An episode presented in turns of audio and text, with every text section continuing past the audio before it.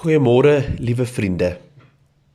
Ek lees vir ons Efesiërs 6 vers 10 tot 18. Soek julle krag in die Here en in sy groot mag.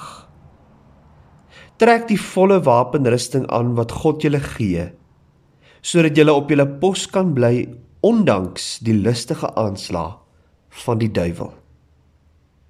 Ons stryd is nie teen vlees en bloed nie, maar teen elke mag en gesag, teen elke gees wat heers oor hierdie sondige wêreld, teen elke bose gees in die lig. Trek daarom die volle wapenrusting aan wat God julle gee, sodat julle weerstand kan bied in die dag van onheil. En nadat julle die stryd tot die einde toe gevoer het, nog op julle pos kan bly staan. Bly dan op julle pos, toegerus met die waarheid as gordel om julle heupe. Die vryspraak deur God as borsharnas. En die bereidheid om die evangelie van vrede te verkondig as skoene aan julle voete. Daarby moet julle altyd geloof as skild in die hand hê, want daarmee sal julle al die brandpyle van die bose kan afweer sit verlossing as helm op en vat die swaard van die gees. Dit is die woord van God. Doen dit alles bidtend en smeek God by elke geleentheid deur die gees. Wees waaksaam en bid gedurig vir al die gelowiges. Tot sover toe ons skriflesing Geliefdes, in die afgelope paar dae waar ons besig was met die wapenrusting van God, soos Paulus dit vir ons hier in Efesiërs 6 uiteensit, het ek nogal baie gewonder oor hierdie stryd. Kom ons noem dit die oorlog waarin ons as gelowiges gewikkel is. Met alles wat ons vir mekaar gesê het in die afgelope week, is dit duidelik dat ons deur die soen deur die soenverdienste van ons Here Jesus reeds as oorwinnaars die stryd aansê en wel as oorwinnaars uit die stryd sal tree. Maar dit weet ons gewis en dit maak Paulus baie duidelik. Bly op julle pos. Moenie slap lê nie. Wees gereed te alle tye want die vyand het nie 'n lui haar op sy kop nie. En met takt en vernuf sal hy keer op keer probeer om ons onkant te vang. Dink maar weer aan die apostel Petrus se woorde. Soos 'n brullende leeu loop hy rond op soek na een van God se kinders om hulle in 'n oomblik van swakheid aan te val en te verslind. Ek hou baie van die geskiedenis en lees nogal baie oor onder andere die Eerste en die Tweede Wêreldoorloë. En in die tyd terwyl ons so besig was met die wapenrusting van God, betrap ek my keer op keer dat ek wonder, myself probeer vereenselwig met daardie mense.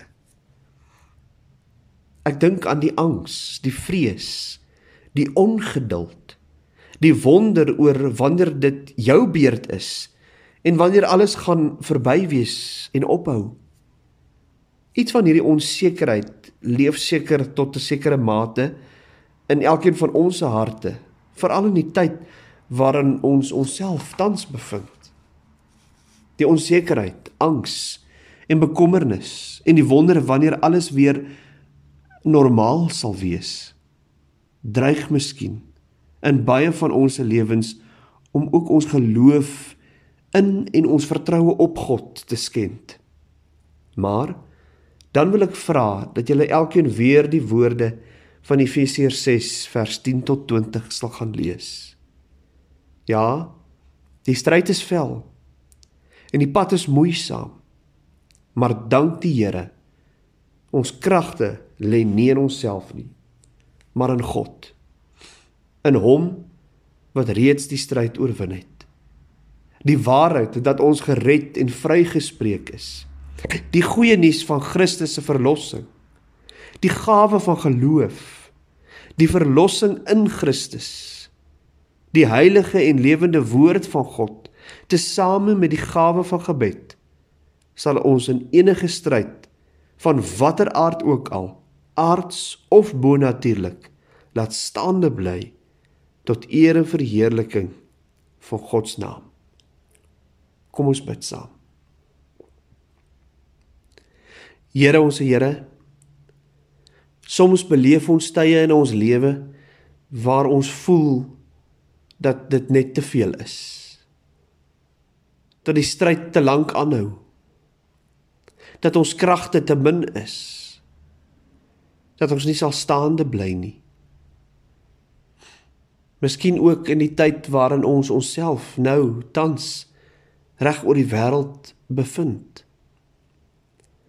Maar Here, help ons om nie bevrees te wees nie. Help ons om te onthou dat ons kragte nie in onsself lê nie, maar in die almagtige God van hemel en aarde. In Hom wat reeds die stryd oorwin het. Die waarheid dat ons gered is en vrygespreek is die goeie nuus van Christus se verlossing, die gawe van geloof, die heilige en lewende woord van ons Here, tesame met die gawe van gebed, sal ons staande hou in watter stryd ook al. Gaan saam met ons deur die res van hierdie dag. Dankie dat ons in U teenwoordigheid kan wees. Dat ons in U teenwoordigheid kan beweeg en kan weet dat U 'n God is wat red en naby is. Amen.